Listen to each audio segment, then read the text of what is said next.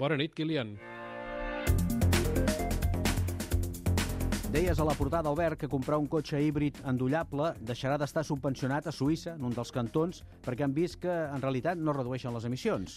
En concret, el, el cantó de Valer han decidit que el sistema híbrid endollable només es fa servir com a excusa per aconseguir els 2.500 euros de subvenció a la compra del cotxe, però que després la majoria dels cotxes subvencionats funcionen tota l'estona amb benzina i no s'acosten a un endoll ni per casualitat. Yeah. Uh, això és un dels primers ajustaments que anirem veient amb aquesta cursa cap a l'electrificació dels cotxes, que de tota manera és una de les cinc, en diuen, megatendències de l'automoció que apunta Eurecat, que preveuen que l'any 2030 el 40% dels cotxes nous que es fabriquin seran o elèctrics purs o híbrids, no sé si endollables o no. El Centre Tecnològic indiquen que aquesta tendència porta associats reptes que cal solucionar, com la infraestructura de recàrrega, allò que hi hagi endolls, la falta de primeres matèries per fabricar bateries a gran escala o el preu dels cotxes, que ara eh, són més cars que els de combustió.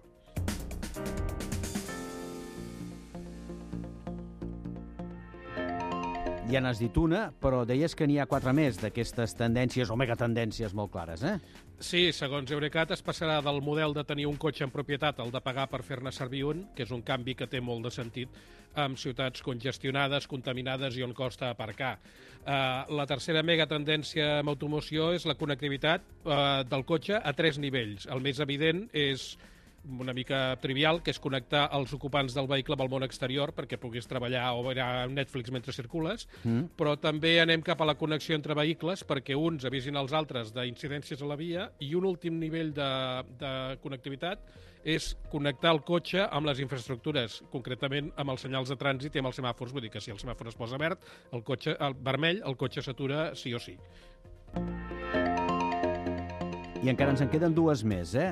Una, desaparició del conductor, i la segona, un pes més gran del software. Sí, desaparició del conductor al volant, diguéssim, perquè els, els humans no es, no es volatilitzem. Ah, està bé, està bé, la precisió és bona, sí. Aclarim-ho, no? Però és que la tecnologia per fer cotxes totalment autònoms, de fet, ja existeix i els grans fabricants ja l'estan provant en condicions reals i de, aquí de tant en tant ho expliquem.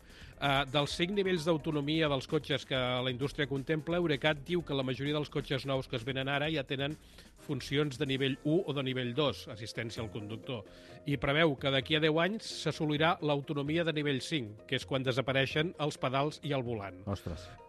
En quant al software, l'actualització continuada i la personalització de les funcions del cotxe està començant a trencar el cicle habitual dels fabricants, que fins ara treuen un model nou cada 6 anys, però és que si el cotxe es pot actualitzar quan ja està en ús, a la versió inicial, la que vas comprar, li pots anar afegint funcions avançades, una mica com passa amb els telèfons mòbils, vaja. Mm, cert. Eh, el que s'haurà de veure és com afecten aquestes cinc tendències o megatendències a cadascun dels implicats, que no només són les marques de cotxes, sinó també els proveïdors de components, entenc, els concessionaris, vaja, tothom que ja està implicat, eh? Exacte, perquè per fer un cotxe faran falta altres coses i s'haurà de vendre d'una altra manera. I Ja. aquí eh, ho anirem seguint. Sí, senyor. Això ho seguirem sempre. Sempre. Eh, moltes gràcies i molt bona nit. Bona nit, Kilian. Fins demà.